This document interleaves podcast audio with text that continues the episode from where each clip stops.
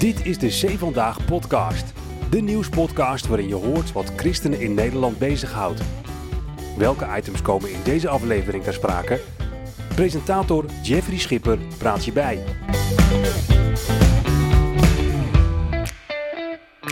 Het is weer tijd voor een Zee Vandaag thema podcast. En dit keer zijn we aanbeland in Barneveld in het kantoor van dominee Klaassen.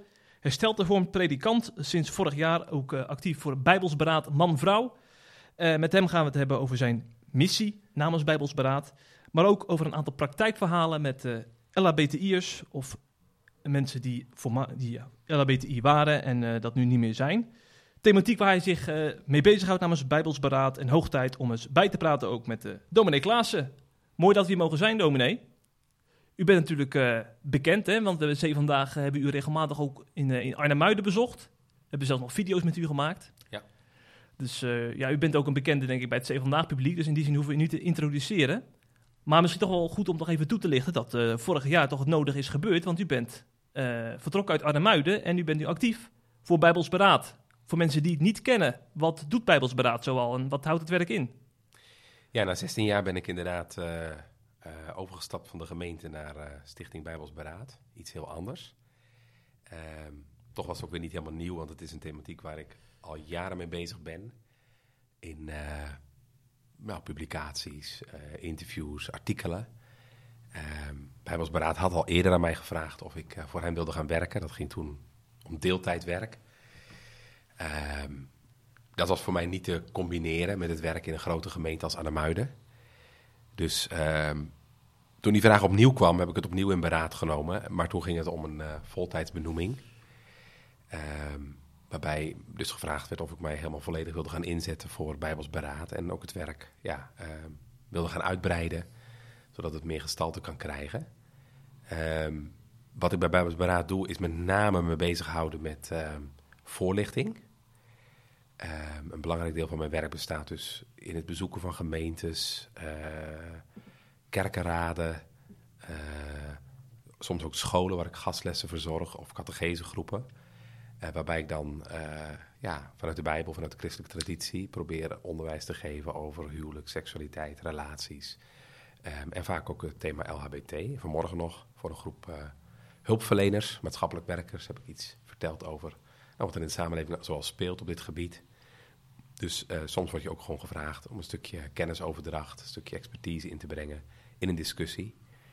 Ehm, dat is een belangrijk deel van mijn werk. Daarnaast doe ik ook een stukje research en publicatie, dus schrijven van artikelen. Ik ben nu bezig met een boek op het moment. Ehm, daarnaast eh verzorgt Bijbelsberaad ook eh, regelmatig boeken. Ja, dus we Ja. geven boeken uit, soms met getuigenissen, met eh, verhalen van LHBT'ers, hun eigen persoonlijke levensverhaal. Dat hebben we met Rachel Kilson gedaan. Recent met Laura Perry, Transgender komt thuis. Ehm, en op die manier weten we ja, toch een steeds breder publiek eh, te bereiken, merken we. En zien we ook gelukkig dat eh, ja, de behoefte aan ons werk eh, toeneemt. En ja, dat er vaak een beroep wordt gedaan op ons. Ja, klinkt een beetje gek, maar zeg maar de, thematiek die jullie, die jullie bezighoudt, dat, dat verbindt op een of andere manier verschillende christenen. Want ik was vorig jaar bij een themadag over transgenderisme. En dan zag ik evangelische christenen. Ik zag dan volgens mij ook nog katholieke christenen Ja. Reformatorische christenen uiteraard. Dus blijkbaar jullie werk verbindt christenen op een of andere Nee, het is manier. natuurlijk een heel hot eh, issue in de samenleving. Het is een, eh, een thema wat heel pregnant op de agenda staat. Ja. En, en eh, kerk en christenen voelen daar verlegenheid bij. Vragen zich af hoe moeten we dingen duiden. Ja. Ehm, en dat verbindt, dat gaat geen kerk voorbij. Hè? Dus inderdaad ehm, komen bij ons ook mensen uit evangelische gemeentes op conferenties. Ik ga binnenkort een lezing voor Sola 5 eh, volgangers, dat zijn baptisten, eh, verzorgen. Dus het, het is inderdaad, eh, maar het kan net zo goed eh, eh, een herstelde vorm voor een gereformeerde gemeente zijn waar ik naartoe ga. Ja, ja, Ja. En ziet het ook echt als uw missie om zeg maar eh, eh, het orthodox eh, christelijke verhaal hierover eh, voor het voetlicht te brengen. Ja, in zekere zin wel. Ik, bedoel, ik heb het ook echt als een, als een roeping eh, overwogen, zoals ik ook een roeping naar de gemeente overweeg. En gebeden of de Heer daar duidelijkheid in wilde geven. En bij mezelf groeide de overtuiging dat dit inderdaad was wat ik mocht gaan doen. En Hm. ja, dat God ook gebruik maakt dan van misschien een stukje kennis en expertise wat je hebt opgebouwd in de jaren. En ik heb altijd gezegd, het is een tijdelijke benoeming voor een aantal jaar. Ik, ik zie mezelf dit ook niet tot uh, mijn pensioen doen of zo. Nee, nee. nee ergens mis ik het gemeentewerk ook wel. Ja. Uh, dat is natuurlijk, dit is een heel ander leven. Hè? Normaal wordt je, je leven bepaald door je gemeentewerk. Hè? Maandag je preekvoorbereiding, dinsdag catechisatie. Uh, tweede helft van de week denk ik meestal meer pastorale bezoeken. En nu uh, is dat heel anders. Hè? Het is wat beheersbaarder. Minder onverwachte dingen, want afspraken worden al langere tijd van tevoren gemaakt. Uh, dus het is een heel ander leven dan uh, dat van gemeentepredikant. ik ben wel weer blij dat ik ga nu in Barneveld in mijn eigen gemeente ook binnenkort weer catechisatie geven. Voor twee groepen. Ik ga huwelijkscategese doen, huwelijkstoerusting voor, Ja. voor jongeren. En ik preek elke zondag nog gewoon. Dus Dat gaat gewoon door. dat ja. gaat gewoon door. Ja, ja. Ja. ja, Helder. Zo, wij gaan in deze podcast gaan wij drie praktijkverhalen doornemen. Eh, eh, want ja, misschien ook goed om toe te lichten waarom we dat doen. Eh, er wordt natuurlijk heel veel gesproken en geschreven hè, over LHBTI-kwesties, over huwelijk, seksualiteit, gender. Eh, en om een beetje een herhaling van zetten te voorkomen, wil ik, eh, eh, ja, heb, ik, heb ik drie verhalen geselecteerd van waaruit we hier, hierover gaan hebben. En we hebben natuurlijk ook al een videoserie opgenomen met C Vandaag vorig jaar. Dus via C Vandaag slash video kunnen mensen ook nog eens daar wat, wat uitgebreider ja, stof op, op zeg je dat? Kunnen ze daar nog wat op, op naslaan, zeg maar, wat u daarover heeft gezegd, hè, over homoseksualiteit, wat de Bijbel erover zegt. Eh, dus we gaan niet zozeer een theologische podcast maken, maar het zal toch wel hier en daar een beetje terugkomen. Hè? Eh, om gelijk bij het eerste verhaal te beginnen, het verhaal van Eline. Eh, dat is een hele bijzondere mevrouw die vorig jaar ook bij die themadag over transgenderisme was hè, in Amerongen van Bijbelsberaad. Klopt, ja, bij de presentatie van het boek van Laura Perry. Ja, ja. Waar we ook graag aandacht wilden vragen aan de verhalen van transgenders zelf. Of mensen die het vanuit hun nabije omgeving eh, kennen. Dus Ja. eh, er was een live interview met Laura Perry. Ehm, maar ook mensen die bijvoorbeeld... Er was iemand aanwezig toen, een predikant... die zijn eigen wiens vader eh, Mhm. ook in transitie was gegaan. Ehm, en, en dit verhaal heeft, is toen ook verteld. Ja, het Ja. verhaal van Eline. Wat is u daarvan van bijgebleven? Kunt u dat nog eens samenvatten? Ehm, nou, dat is een meisje dat van jongs af aan het verlangen heeft om jonger te zijn en als jonger te leven. Ehm, zich in de puberteit ook zo gaat gedragen. Ehm, heel jongensachtig zich kleedt. Ehm, maar op een wonderlijke manier eh, komt zij toch in een huwelijk terecht. Wat ze eigenlijk helemaal niet ambieert en, en beoogt. En dat huwelijk blijkt een soort, ja, eh, het is heel intens, maar het blijkt ook een soort eh, louteringsweg voor haar te zijn. Waarin ze haar eh, vrouwelijkheid weer eh, leert ontdekken en verstaan. En, en ook een, een transitie, maar dan zonder, zonder operatie of, eh, of, of medische behandeling. En toch een transitie ondergaat, waarbij ze op een andere manier met haar genderdysfore gevoelens leert omgaan. Ja, ja, ja. Want ze voelde zich wel echt jong eh, in haar tienerjaren, ik kan me nog herinneren. Dat ze bijvoorbeeld eh, een, een kledingzaak binnenliep en dat ze ook als, als jongen werd aangesproken. Ja, ook gewoon als een man begroet werd als meneer. Ja. Ja. en dat ook erg fijn vond. Ja, precies. Ja. Ja. Dus in die zin is er echt wel van, van zo'n mentale transitie wel sprake van. Want dan moet je toch weer heel anders gedragen als je dan hè, thuis als, als, eh, als vrouw voor de kinderen zorgt. En eh, dat is een heel ander leven dan, dan als tiener. Ja, en dat vond ze in eerste instantie ook een kwelling. Ja, ja. Daarom zag ze ook zo tegen het huwelijk op en gewoon hè, de, de sleur van huishoudelijk werk. En eh, ook geen, geen zin hebben om, eh, om kinderen te krijgen. Ja. Eh, omdat ze zich dat helemaal niet, zichzelf dat niet zag doen. Mhm. Maar wat ik indrukwekkend vond, en het was dubbel indrukwekkend omdat ze niet alleen zelf haar verhaal vertelde, maar haar man ook zijn verhaal daarnaast zette, hoe die beleving voor hem was. Ehm, omdat hij eigenlijk ook niet wist hoe erg het eigenlijk was gesteld met zijn vrouw. Hè, ehm, dat hij eigenlijk pas in het huwelijk echt ontdekte ja, wat een hekel zij had aan haar vrouw zijn. En Ja.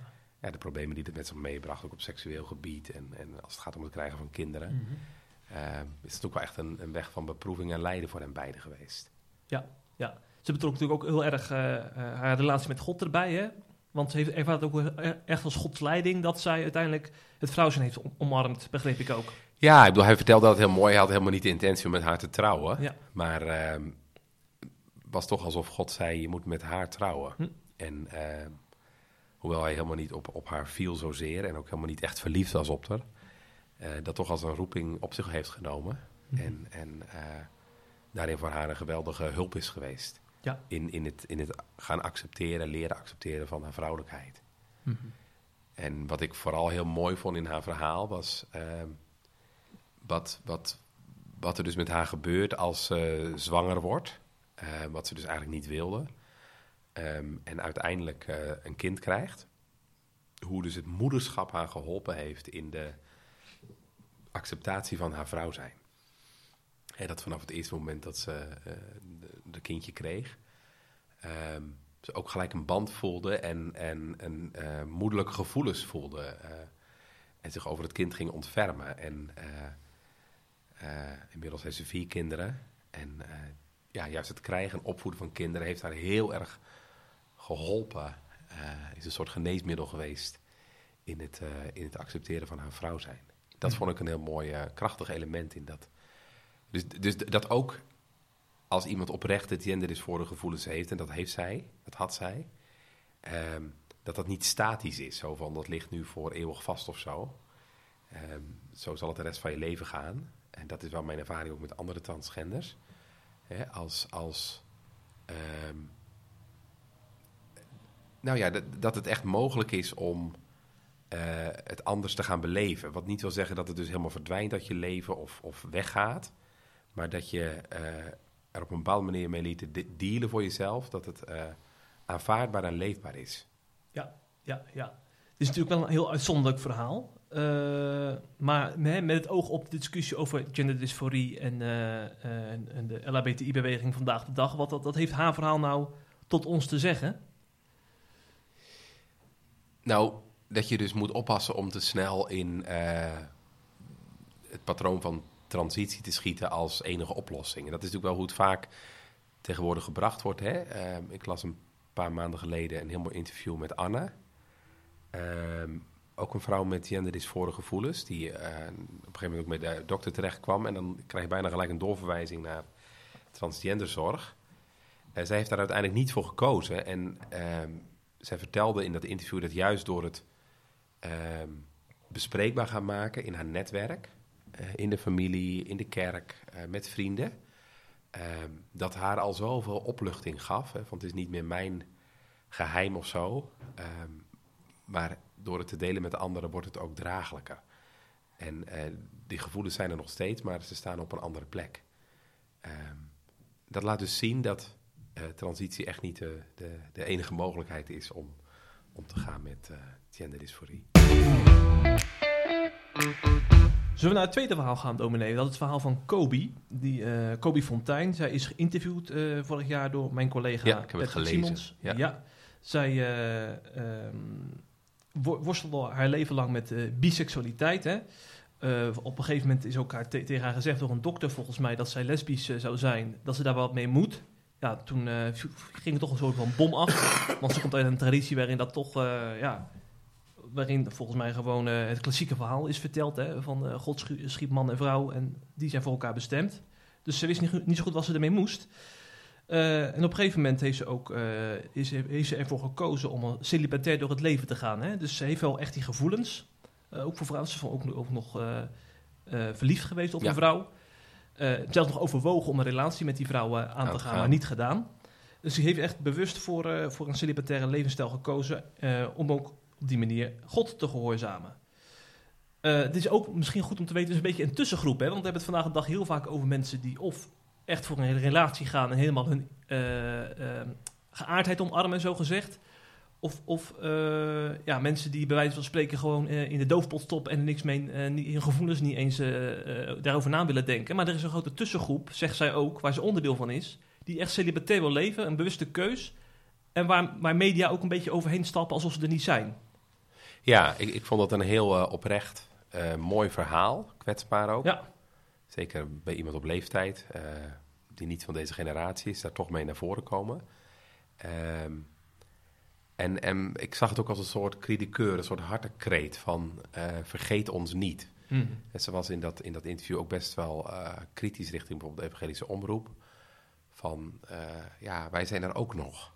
Ja, de celibataire... Ja, Groep, en, zeg maar. en zij dacht zelf dat die groep groter is dan wij voor waar willen hebben. Dat er nog steeds heel veel christenen zijn die die weg willen gaan. Maar die het juist nu extra moeilijk krijgen doordat ehm, ook binnen christelijke kringen hè, acceptatie van LHBTI-gevoelens en, en, en eh, ook de expressie daarvan, het daarna leven, eh, steeds meer gemeengoed wordt. En dat voelt toch eh, heel ongemakkelijk voor deze groep. En Ja. ik denk dat ze daar een hele terechte analyse geeft. Hè. Ik, ik heb dat recent ook geproefd rond eh ehm, de publicatie van het boek van Atte Bruyne. Atte Ja. Die een eh, ruimte ziet voor eh, het leven in een homoseksuele relatie. Ehm, dat het met name door celibatair levende homo's ook wel een beetje als een ja, soort verraad, een soort eh, dolk in de rug of zo. Hè, je, je hebt altijd ervoor geknokt en gestreden om die best wel moeilijke en eenzame weg te gaan, omdat je gelooft dat dat de wil van God is. Een stukje navolging van de Here. En je hoort nu ineens overal om je heen geluiden van ja, maar dat, het, het, het, het kan wel. Ehm, en ik kan me heel erg voorstellen dat dat niet alleen verwarring brengt, maar dat dat ook eh, ja, deze groep heel diep raakt. Ja, ja. Volgens, eh, ze schreef ook dat ze, eh, zoals ze ging eerst naar een evangelische kerk, had ze niet zo heel veel ruimte om haar verhaal te delen. Nee, dat mensen- ging op een nogal naïeve, Ja, beetje lompe manier met haar omgegaan. ja, een beetje wel. En toen ging ze naar een eh, wat meer vrijere kerk, zeg maar. En toen eh, ja, kreeg- werd er op een omgekeerde manier gereageerd. Alsof zij eh, als Daar mocht alles, daar kon alles. ja, Ja, en dat echt- gaf haar juist het ge- een, een gevoel van gebrek aan steun in, in de weg die zij ging en de keuzes die zij maakte. Dat zie je ook wel vaak hoor. Dat, ik weet ook wel van celibatair levende eh, homo's dat ze bewust ook kiezen voor een kerk, eh, soms waar, waar, het, waar geen ruimte is voor het leven in een homoseksuele relatie. Omdat eh, hen dat op een bepaalde manier ook steun geeft. En, en, en gemeenten waar, dat, waar daar wel ruimte voor is, wordt het wel heel lastig om jouw positie als celibatair levende homo, ja, om daarin staande te blijven. Mhm. Dat kan ik me ook wel voorstellen. Ja, ja. Eh nou zijn natuurlijk ook wel eh celibatair levende homo's of lesbisch... Die, die ook zeggen van ja, ik kies, ik kies hiervoor... maar ik kan me ook voorstellen dat anderen eh, kiezen toch wel voor een relatie... omdat ja, ze willen zeg maar daar wel ook vrijheid in, eh, in houden... Hè? en hoe je daar zelf in staat. Ze willen dat bijvoorbeeld hun, eigen levensstijl niet opleggen... aan, aan eh, andere LHBTI'ers bijvoorbeeld... Eh, dan maakt het ook wel heel lastig, hè? Want we hebben het elke keer over, eh, we hebben het over een groep die het al heel verschillend invult. Hè, Kobe is bijvoorbeeld niet representatief voor de hele LHBTI-gemeenschap. Nee, in bepaald niet. Nee, Nee. nee. Dan, dat is wel lastig dan ook voor, voor het gesprek hierover, vind ik eerlijk gezegd. Want wat moeten we dan met zo'n verhaal van Kobe, denk ik dan? Is het echt een verhaal van haar? Of is het het verhaal zoals iedereen zou moeten leven? Nou, wat ik ehm, heel mooi vond, is dat ze ook inzicht gaf ehm, in de achtergronden van haar keuzes. Hè. Ja. Ze vertelt dat ze de Bijbel ehm, hierop heeft gelezen.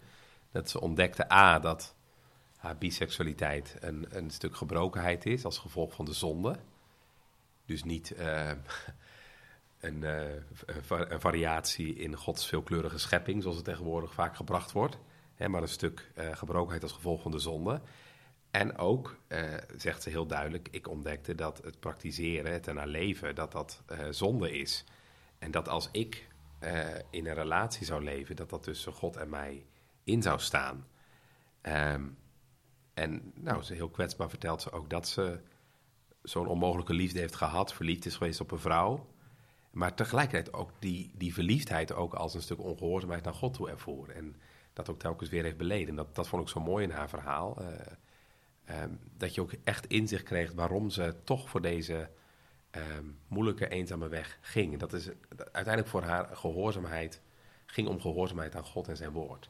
Ja, dat staat verhaal als een paal boven water. Ja, Ja, ja dat gaat boven, het stijgt boven haar gevoelens uit. ja, ja en dat vind ik eh, altijd indrukwekkend als mensen eh, tegen hun gevoel in toch willen buigen voor God en zijn woord. Dat maakt het wel weer lastig als, het gaan, als we gaan naar ons eh, derde verhaal. Dat is namelijk het verhaal van Albert Bot.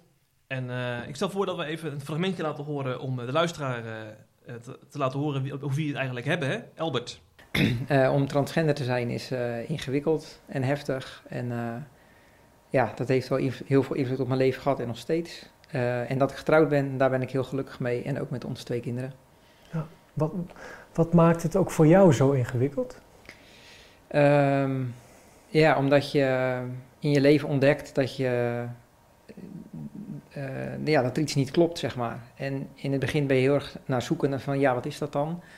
Ehm, ja, tot je erbij uitkomt dat je je niet een vrouw, maar een man voelt. Of een man bent. Uh, maar een lichaam hebt wat daar niet uh, bij past, zeg maar. En dat je dus ook in een rol moet functioneren, ja, wat je niet bent. Het, het, het voelt voor mij altijd als toneels, toneelspelen. Ja. En heb je ook God betrokken in dat proces?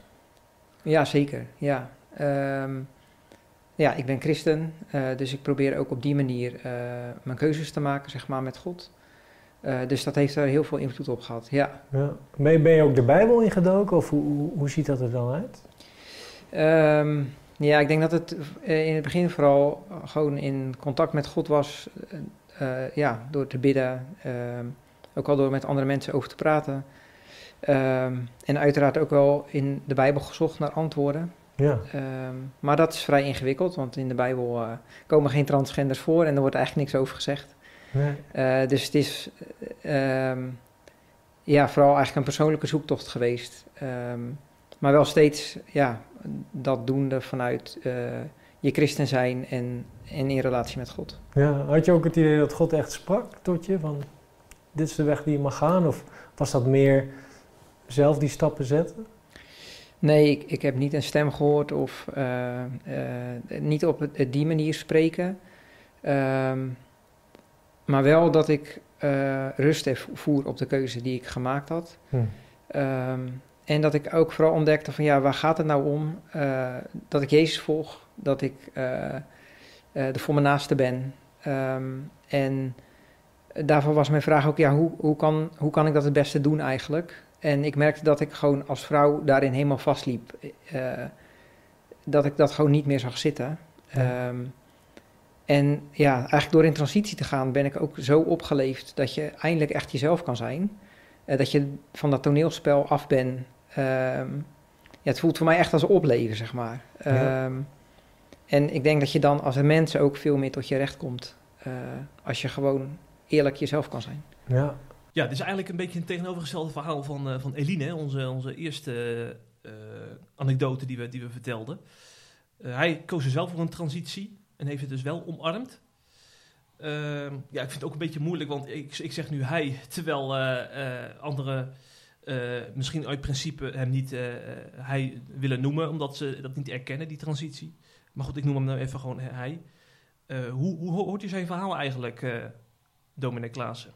Nou, dat is een heel existentieel verhaal. Kijk, um, ik, ik zou de, de keuze en de weg die uh, Albert gaat, of gegaan is, zou ik niet aanbevelen. Laat dat, laat dat duidelijk zijn, dat is mijn persoonlijke overtuiging. Maar je proeft natuurlijk wel uh, een diepe existentiële worsteling. En, en wat gender dysfore gevoelens met iemand doen. En uh, ja, dat, dat lijkt mij heel oprecht en authentiek. Um, er is gewoon een categorie mensen uh, voor wie dit een hele existentiële, uh, emotionele en, en, en, psychische nood is. En um, in die zin uh, kan het verhaal van Albert wel inzicht geven in wat er met je gebeurt als je dit ervaart en meemaakt. Um, kijk, en ik wil ook echt heel duidelijk stellen. Dat is natuurlijk altijd lastig als je over personen spreekt. Hè. Uh, ik denk dat het heel belangrijk is dat we ten alle tijden met liefde over personen spreken. Ook al ben je het met hun keuze misschien niet eens. Hè. Dus dat we altijd een, onderscheid maken tussen de persoon en, en gedrag of keuzes. Hè. Gedrag of keuzes waar je wat van kunt vinden of waar je moeite mee kunt hebben. Hè. Maar dat we ten alle tijden de persoon in kwestie lief hebben. En um, ja, als ik, als ik het verhaal van Albert lees, dan, dan voel ik daarin ook heel veel pijn en onbegrepen worsteling. En al zou ik zelf deze route niet aanbevelen, hè, ik denk wel dat het zijn verhaal kan helpen om, uh, om oog te hebben voor de diepe nood waarin mensen verkeren. Mhm. En, en daar, daar moet je je sowieso toe verhouden, hoe dan ook. Ja, ja, ja. Want ja, een beetje lastig hieraan is, eh, eh, je, hoort, je hoort twee verhalen. Hè? Je hoort eh, mensen die eh, eh, dan zeggen, zo- zo'n transitie, dat is echt, eh, daarmee, da- daarmee laat je te veel varen door emoties. Hè? Want eh, vaak gaan mensen in transitie om, om, om, uiteindelijk ook zich beter te voelen. Om, ze zijn zichzelf kwijt in een oude lichaam, wordt dan gezegd, en ze hebben zichzelf weer hervonden. Maar je hebt dus ook een groep die zegt van, ja, het is niet, alleen een keuze op basis van emoties, maar ook echt omdat, omdat ik me gewoon in mijn verkeerde lichaam voel zitten. En ze dan ook echt beter voelen. Dan denk ik van, het kan toch niet allebei waar zijn? Het verhaal van Eline en het verhaal van Albert. Maar blijkbaar sta- staan ze wel allebei naast elkaar. En we hebben ze niet voor niks allebei gekozen. Moet, is dan, moeten we dan kiezen tussen die twee verhalen? Of mogen ze echt naast elkaar staan, vraag ik me dan af. Ehm, kijk, wat mij intrigeert in het verhaal van, van Albert is ehm, dat er op een gegeven moment gezegd wordt: hè, transgender is echt iets wat je bent. Ehm, ik, ik vind het persoonlijk best wel een lastige discussie. Ehm, omdat ik van deskundigen ook steeds meer de zorg te horen krijg hè, over ehm, de toenemende groep die zich als eh, transgender identificeert. Ehm, waarbij het mij opvalt dat het heel lastig lijkt of blijkt te zijn dat er geen objectieve criteria zijn om vast te stellen of iemand eh, daadwerkelijk genderdysforie heeft. Ik ben ervan overtuigd dat er een kleine categorie is die dat heeft. Ik ben er ook van overtuigd dat er een nog veel grotere middengroep is die door de hele ontwikkeling in de cultuur eh, iets van genderverwarring ervaart. En er is zelfs een groep waar ik zou willen spreken van een genderhype of gender-euforie. Ehm, jongeren die eh, heel onzeker zijn en die dan een soort houvast vinden in een nieuwe community, waarbij je gaat horen, waarbij je gewaardeerd wordt, waarbij ehm, nou, dat als iets positiefs gezien wordt als je je identificeert als transgender. Dus ehm, ehm, ik vind dat er gewoon heel veel onduidelijkheid bestaat over wat is nu precies een, een, een echte transgender. En ik, ik hoor eh, een gerenommeerde arts pas zeggen uit Amsterdam die aan de VU, eh, aan de VU Genderkliniek werkt van ja, toch eigenlijk dat er geen, geen echte criteria zijn. Want ja, je gaat toch niet als arts zeggen als iemand die voor jou zit en die zegt ik heb die gevoelens van is het wel echt. Hè? Ehm, maar dan denk ik, hoe, hoe kunnen we dat nu nog taxeren als ehm, volgens wetenschappers eh, ehm, 0,05% van de mensen eh, eh, eh, deze verwarring heeft. Ehm, dat is een relatief kleine groep. Terwijl er inmiddels 3,9% van de jongeren zich transgender noemt of, of zegt transgender gevoelens te hebben. Dat is echt een enorm verschil, hè? 0,05 of 3,9. Ehm, ik ben dan vooral gefascineerd door hoe komt dat? En, eh, en dat maakt mij dus ook heel behoedzaam om eh al te snel het etiket op te plakken van jij bent, ehm, nou, wat Albert zegt, transgender is echt iets wat je bent. Ja, maar wanneer ben je het dan? Dat vind ik een hele lastige. Ja. En ik geloof echt dat er een categorie is die professionele hulp nodig heeft. Ehm, en ik zie bij die groep ook dat er soms achterliggende oorzaken zijn die eh, eh, eh, pro- problemen in de thuissituatie, problemen in het autistisch spectrum, waar blijkt als daaraan gewerkt wordt en dat verholpen wordt soms, ook de genderdysfore gevoelens ook naar de achtergrond verdwijnen of soms helemaal verdwijnen. Dus ehm, ja, deze mensen hebben echt hulp nodig. Ehm, en, en, en als er echt aantoonbaar is dat, dat, dat het, dat het eh, niet verdwijnt uit je leven, hè, dan kan ik zelfs ook een bepaalde vorm van, nou ja, misschien hè, moet je dan denken aan, aan medicatie die bepa- bepaalde gevoelens wat onderdrukt of zo. Ehm, daar zou ik echt niet tegen zijn. Maar ja, ik vind de weg van transitie wel zo ingrijpend, omdat je dan je, mijns inziens, je door God gegeven identiteit, hè, die helemaal in je lichaam verankerd zit, omdat je bestaan verweven is, opgeeft voor een identiteit die je van God niet hebt gekregen. Hè? Je begeert eigenlijk ehm, iets wat God jou niet gaf. Hè? En, en, en ik, ik, ik denk dat. ehm, ik heb thuis een boekje in de kast staan dat heet Gender as Calling. Dus je gender als roeping. Ehm, ik ben veel meer geneigd om het zo te zien. Hè? Je, de, de- het geslacht van God die je geschapen heeft, is ook een roeping om daarnaar te leven. Ehm, en voor één is dat een hele makkelijke roeping, hè, omdat hij zich echt man voelt of echt vrouw voelt. Eh, en voor een ander is het een hele lastige roeping. Want ehm, inderdaad, hè, als gevolg van een verstoring, of misschien zelfs ook wel iets neurologisch of, of genetisch, eh, geloof ik echt dat er een aandoening kan bestaan waardoor je eh, veel liever het andere geslacht zou willen zijn. Ehm, maar of dan de oplossing is hè, daadwerkelijk in transitie gaan, dat vraag ik me af. Omdat je toch ook ziet dat, hè, dat viel me in het boekje van Laura Perry erg op van. ehm, eh, ben je helemaal tevreden over wat je nu gekregen hebt? Hè? Bij, bij Laura Perry merkte ik in haar verhaal heel sterk op van. eh, wat is nou het volgende? Hè? Je hebt op een gegeven moment je transitie gehad. En dan eh, op een gegeven moment dan laten we de borsten verwijderen. En dan de baarmoeder. Op een gegeven moment ben je, ben je, ben je klaar aan het eind van het traject. Ehm, en wat nu? Hm. Hè? Er blijft een bepaalde onrust. Omdat je volgens mij bezig bent, ja, je voldoening, je houvast te zoeken. ehm, waar het denk ik niet te vinden is.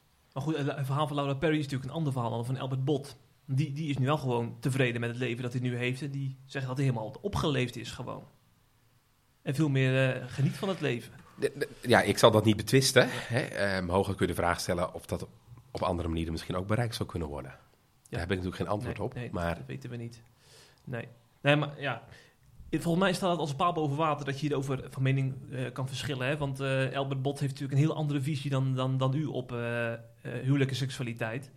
Maar ik vraag me ook een beetje af van eh, ehm, hoe, hoe kunnen we nou als kerk ook voorkomen dat we zo'n Albert Bot na- naar de zijkant duwen. Want zo, iemand is ook natuurlijk wel een oprecht gelovige. Dan denk ik van, moeten we daar ook niet iets mee? Dus in plaats van hem de, de, de, de, zeg maar de spiegel voorhouden van... eh, er zijn ook nog andere wegen dan transitie... dat we hem ook een plek geven in, in de kerk. nou, wij zijn sowieso nooit geroepen om mensen te laten vallen. Ja, maar dat is goed dat Nooit. je dat zegt. Soms voelen mensen dat wel zo, hè? Ja, dat weet ik ook. En de kerk heeft ook denk ik heel veel eh, boter op het hoofd. En, en is hier niet altijd goed mee omgegaan. En, en heeft hier soms ook onhandig op gereageerd. Hè? Kijk, in dat verhaal van, eh van Kobe, eh, als je dan hoort hoe er in zo'n evangelische gemeente gereageerd wordt, terwijl zijn bijbelse weg probeert te wandelen. En dan toch min of meer afgeschreven wordt omdat je biseksueel bent. Eh, ja, dat zijn gewoon hele pijnlijke verhalen.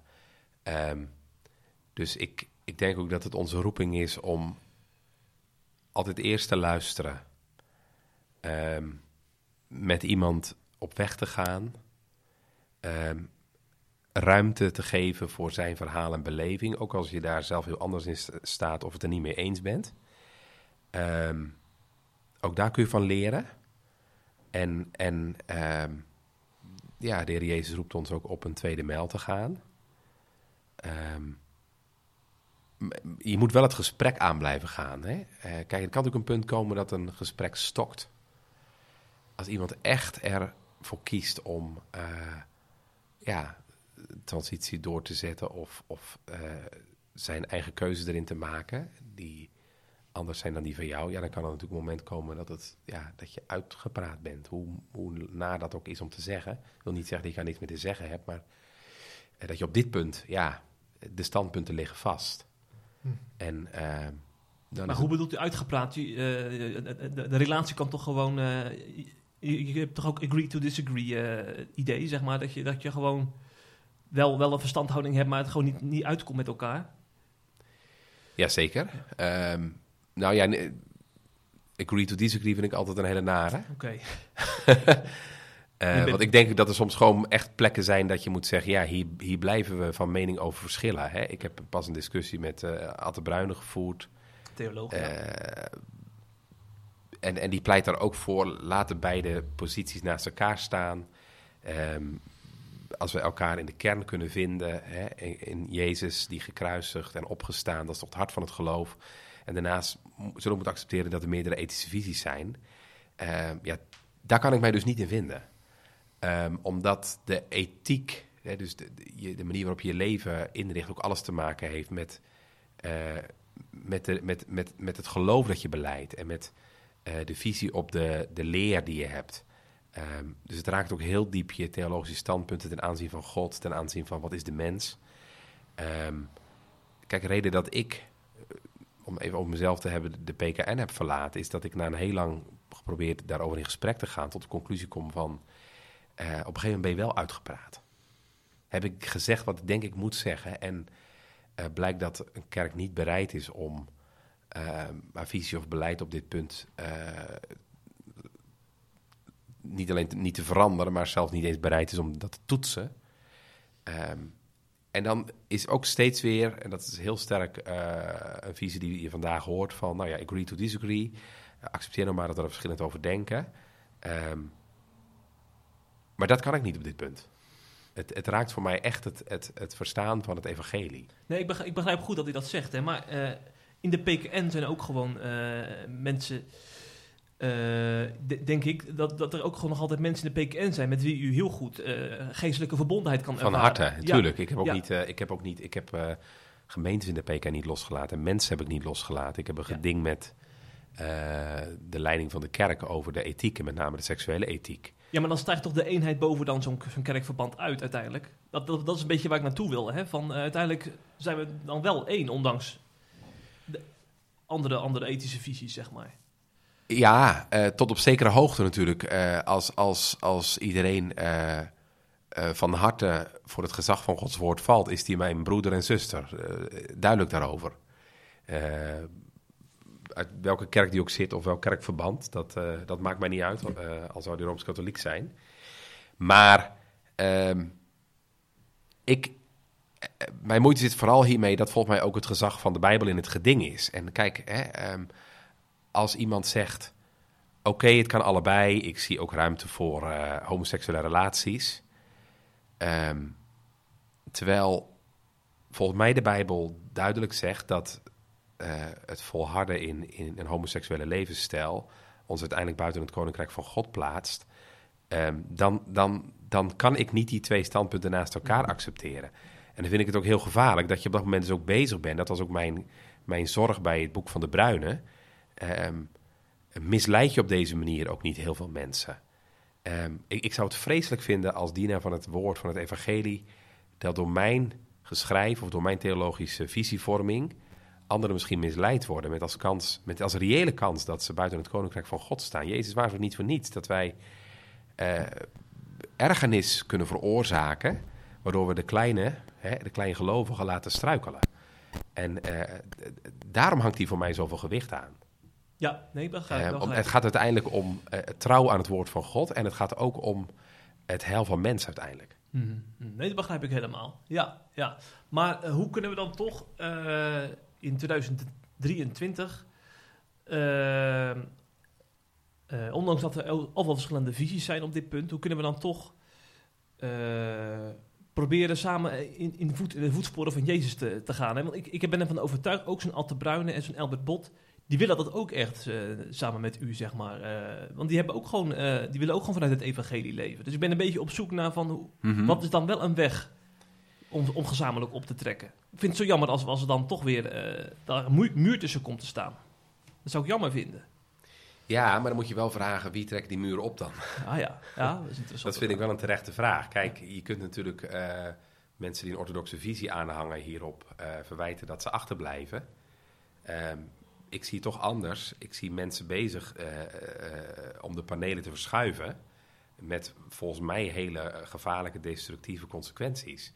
En ik zie dat mijn roeping als, als diener van het woord om daar tegen te ageren en daar ook tegen te waarschuwen. Um, en uh, dat betekent niet dat ik die personen niet lief heb, maar juist omdat ik ze lief heb, wil ik met hen daar een open gesprek over aangaan. Um, en kijk, uh, vandaar dat ik net zei, ik heb, ook zo'n, ik heb daar echt huiver voor, ja. voor zo'n uitspraak als agree to disagree. Er zijn natuurlijk bepaalde punten die van secundair belang zijn. Je visie op de doop en, en de eindtijd. Prima dat je daar van mening over verschilt. Dat, dat doen we al eeuwen. Maar uh, deze visies, hier, hier gaat het om iets veel diepers. Hè? Het gaat over uh, nou, het, het, huwelijk als beeld van Christus en de gemeente dat omvergeworpen wordt. Um, het gaat om levensstijlen waarvoor de Bijbel waarschuwt, omdat ze je buiten Gods koninkrijk kunnen plaatsen. Daar, daar, daar moet ik, uh, daar is mijn roeping om uh, to disagree, zeg maar. Hm, ik kan dat niet anders zien. Ja, ja. Maar dan vraag ik me dan toch af, u, u bent natuurlijk uh, van Bijbels beraad man-vrouw. of, of, of het dan niet het idee is om dan een, een symposium te organiseren met een Atte Bruyne of met een Albert Bot. eh, eh, want dan zou het ook veel minder eenrichtingsverkeer worden dan. Nou ja, ik, ik zou dat op zich niet verkeerd vinden. Hè. Ik, ik, ik was pas op het symposium van de EO. eh, Ja. ehm, ken je mij? Hè, rondom christelijke transgenders. En dan vind ik het eigenlijk ontzettend jammer dat aan zo'n tafel, zo'n gesprekstafel, daar zitten dan een aantal christelijke transgenders. Daar zit Thijs van der Brink. Ehm, daar zit een hoogleraar die eh, transities uitvoert. Daar zit ehm, een gereformeerd vrijgemaakte predikant die ehm LHBT'ers begeleidt en daar ook alle ruimte voor ziet. Nou, de enige die dan wat kritisch tegengas gaf, was eh, Theo Boer. Ehm, maar Ethicus. die ziet in noodgevallen ook nog ruimte voor transitie. Ik ik vind het wat jammer dat er hier nu ook een, een kritisch tegenover ontbreekt. Hè? Ik bedoel, als, als ik daarvoor gevraagd was, eh, had ik daar eh, gerust aan tafel willen zitten. Ik denk ook wel dat het goed is om, ehm, om die dialoog aan te gaan, omdat... ehm, ik zeg niet dat, ehm, dat je elkaar kunt overtuigen, maar het kan soms wel A helpen om de ander beter te begrijpen. Ik ben ook bij dat, bij dat symposium van Atte Bruyne geweest. Hoewel ik dat ook wel moeilijk vond en, en er ook wel met een zeker verdriet wegga. Maar het helpt mij wel om te begrijpen waarom mensen denken zoals ze denken. En ja, wie weet, mensen kunnen soms ook van standpunt toch veranderen. Hè? Ehm, er zijn hele mooie verhalen van, eh, van mensen die op een gegeven moment toch eh, door gesprekken, door inzichten van. Laura Perry is ook zelf een heel mooi voorbeeld, hè, die door een eh, radioprogramma gaandeweg op andere gedachten gebracht wordt. Er zit een heel confronterend programma in van iemand die een visie geeft op transgenderisme. Ja, dat komt eh, keihard bij haar binnen, natuurlijk, want ze is zelf transgender. Maar het is uiteindelijk wel het, eh, het duwtje geweest wat haar, eh, wat ervoor gezorgd heeft dat zij ja, weer een weg terug is gegaan. Dus we moeten elkaar ook niet, niet, niet ont- ontwijken. Blijf het gesprek aangaan op een liefdevolle, respectvolle toon. En nou, ik vind het Bob, om even een voorbeeld te noemen, hè, je kent hem waarschijnlijk ook wel, Mart van der Kamp. Ja, Eh, zeker. Op alle een congressen, ja, ja, ja, alle congressen over eh, transgender is Mart aanwezig. Ehm, en ik weet dat hij een hele andere visie heeft dan, dan die van mij. Maar ehm, ook bij Bijbels Beraad is hij er altijd.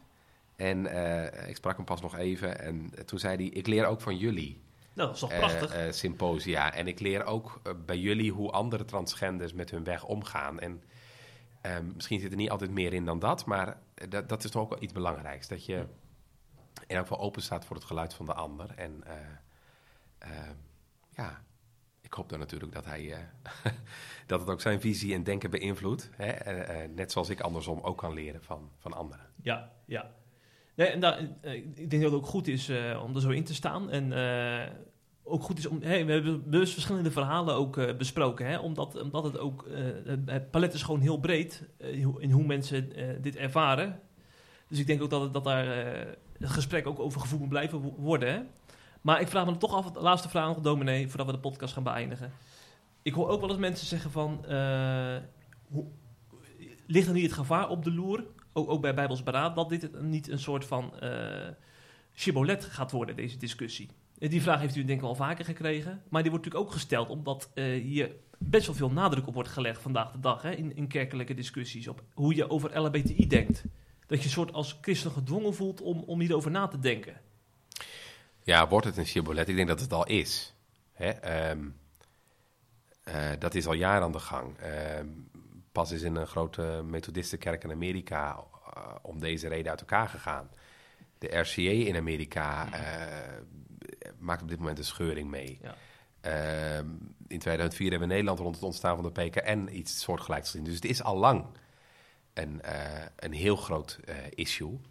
En ehm, nou, we zien het nu ook in de, in de CGK, hè, hoe, de, hoe, hoe eh, gevoelig deze discussie ligt. Ehm, dus we kunnen ook niet doen alsof het er niet is. Het is een heel groot ding.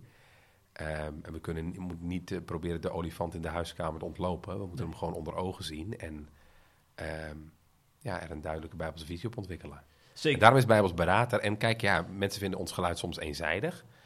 Ehm, nou ja, ik, ik wil het juist anders zien. Wij bieden juist ook een beetje tegenwicht tegen... nou, je ziet toch wel... Dat is echt een ontwikkeling van de laatste jaren. Dat eh, binnen christelijk Nederland in de breedte... er toch een stuk eh, groeiende acceptatie is. Hè. Tot, tot, zeg maar, tot de jaren 20 terug, tot het jaar 2000 was het front redelijk gesloten. Bepaalde praktijken werden afgewezen als niet acceptabel, niet verenigbaar met, met, met, met de Bijbel, met Gods wil. Ehm, nou, we hebben gezien hoe dat langzamerhand uh, veranderd is. Hè? Uh, in evangelische kringen, bij de Griffmiddenkerk vrijgemaakt. We zien op dit moment binnen de ChristenUnie natuurlijk die tendens doorgaan. Dus het, dat ene front wat er was, dat is nu doorbroken. En ehm, nou, de, mijn indruk is, de symposia die ik bezoek, is uh, vooral heel uh, affirmatief, dus heel erg bevestigend. Hè. Je zag rond het recente congres van de ChristenUnie. Iemand stelt een kritische vraag over een kandidaat die in een homoseksuele relatie leeft. Het blijft ijzingwekkend stil. En vervolgens doet iemand een heel inclusief pleidooi en er komt een luid applaus. Dat is denk ik tekenend. Hè. Dat, dat viel mij in, in, bij de EO ook op rond het de symposium of congres van Trans in de Kerk. het was vooral heel erg bevestigend. Hmm. En ja, tegen, wij gaan een beetje tegen de stroom in door een ander geluid te laten horen. Maar dat, dat is denk ik ook wel een geluid dat heel hard nodig is. Oh, dat geloof ik ook, absoluut, ja. ja. Ik denk ook dat Bijbelsberaad uh, ook op de website mooie artikelen publiceert die, uh, die tot nadenken stemmen. Dus, ja, en, en ook niet te vergeten, wij, wij doen natuurlijk niet, mensen denken soms wel alleen maar onze mening verkondigen of zo. Maar wij proberen ja. ook gewoon praktisch ja. hulp te verlenen. We hebben twee werkgroepen. Oh ja. Werkgroep Struggle, waarbij jongeren zitten die zelf met LHBTI-gevoelens worstelen. We hebben sinds kort een werkgroep Troost voor ouders met mm. kinderen met transgender gevoelens. En ja, er zijn inmiddels ook al een stuk of 12, 13 oude paren die daar naartoe gaan. Om ook elkaar te bemoedigen en elkaars verhaal te horen. En elkaar met raad en daad terzijde te staan. Dus dat, dat, dat stukje zit er ook aan ons werk. Ja, maar misschien kan ik nog even mijn vraag over die, dat shibboleth illustreren met een persoonlijke noot in, in mijn gemeente is onlangs geopperd om in alle huiskringen om het over de LHBTI-discussie te gaan hebben. En ik, ik had dan zoiets van, ja, ehm, we kunnen het in de huiskring ook gewoon hebben over, over bijvoorbeeld het verhaal van Jozef. Hoe dat ons inspireert uit het Oude Testament of over, over spreuken. Of over, ik bedoel, van, soms heb ik het idee dat we het in de kerk er maar over moeten hebben. En dat staat me soms een beetje tegen. Nou, dan moet je ook inderdaad voor oppassen dat het niet het main issue wordt of zo. Kijk, het gaat in, in de Bijbel om iets anders. Het gaat in de eerste plaats om het heerlijke reddingsplan van God. Om zondaren te redden door het, door het geloof in de Heer Jezus Christus. En dat moet altijd voorop staan. En tegelijkertijd is het natuurlijk wel zo dat dit zo'n groot thema is geworden in de samenleving dat je er ook weer niet omheen kunt om het op een of andere manier aan de orde te stellen. Dan hoef je het echt niet elke zondag over te hebben. Maar wat is het fijn als LHBTI'ers zich uh, gesteund voelen doordat er regelmatig voor hen gebeden wordt. Wat is het fijn als er desnoods een gespreksgroep is. Wat is het fijn als er is in een gemeenteavond aandacht aan besteed. Ik was pas in een gemeente waar ik een gevolgingsavond mocht houden. Waar uh, een moeder naar mij toe kwam die een, homo had, zoon had die zelf homo is.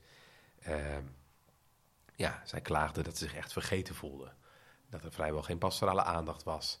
En ehm, dan denk ik, er is nog zoveel winst te behalen. Dus het thema moet wel degelijk geagendeerd worden. En dat zowel het, het, het Bijbelse onderwijs, een stukje doorlichting van de tijd, hè, ook de ideologische trekjes die het heeft, maar ook natuurlijk uh, het pastorale hart. Hè. We moeten spreken met, met de, de, mond van een profeet, en, maar wel met het hart van een priester.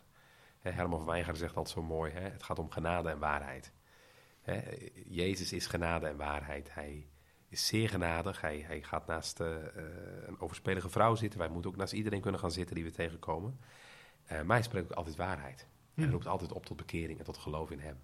En laten we dat vooral niet laten. Ja, dat vind ik een mooie afsluiter, uh, dominee Klaassen. Mooi. En ik wil u bedanken voor de, uw tijd, voor uw bijdrage aan deze podcast. En wie weet komen we nog eens een andere keer terug misschien moeten we nog eens een keer een, een trio-podcast doen met een, met een derde erbij. Zou, zou je dat leuk vinden? Ja, zeker. Ja? En dan gaan wij nog eens een keer over hebben wie dat dan, uh, wie dat dan wordt. Voor een, voor een goed gesprek, een vervolggesprek hierover. Ja? ja? Prima, nou, voor open. Nou, leuk. Luisteraars, tot de volgende week. En bedankt voor het luisteren. Hopelijk heb je genoten van deze C Vandaag podcast. Volgende week is er weer een nieuwe aflevering. En blijf via cvandaag.nl op de hoogte van het laatste nieuws uit Christelijk Nederland.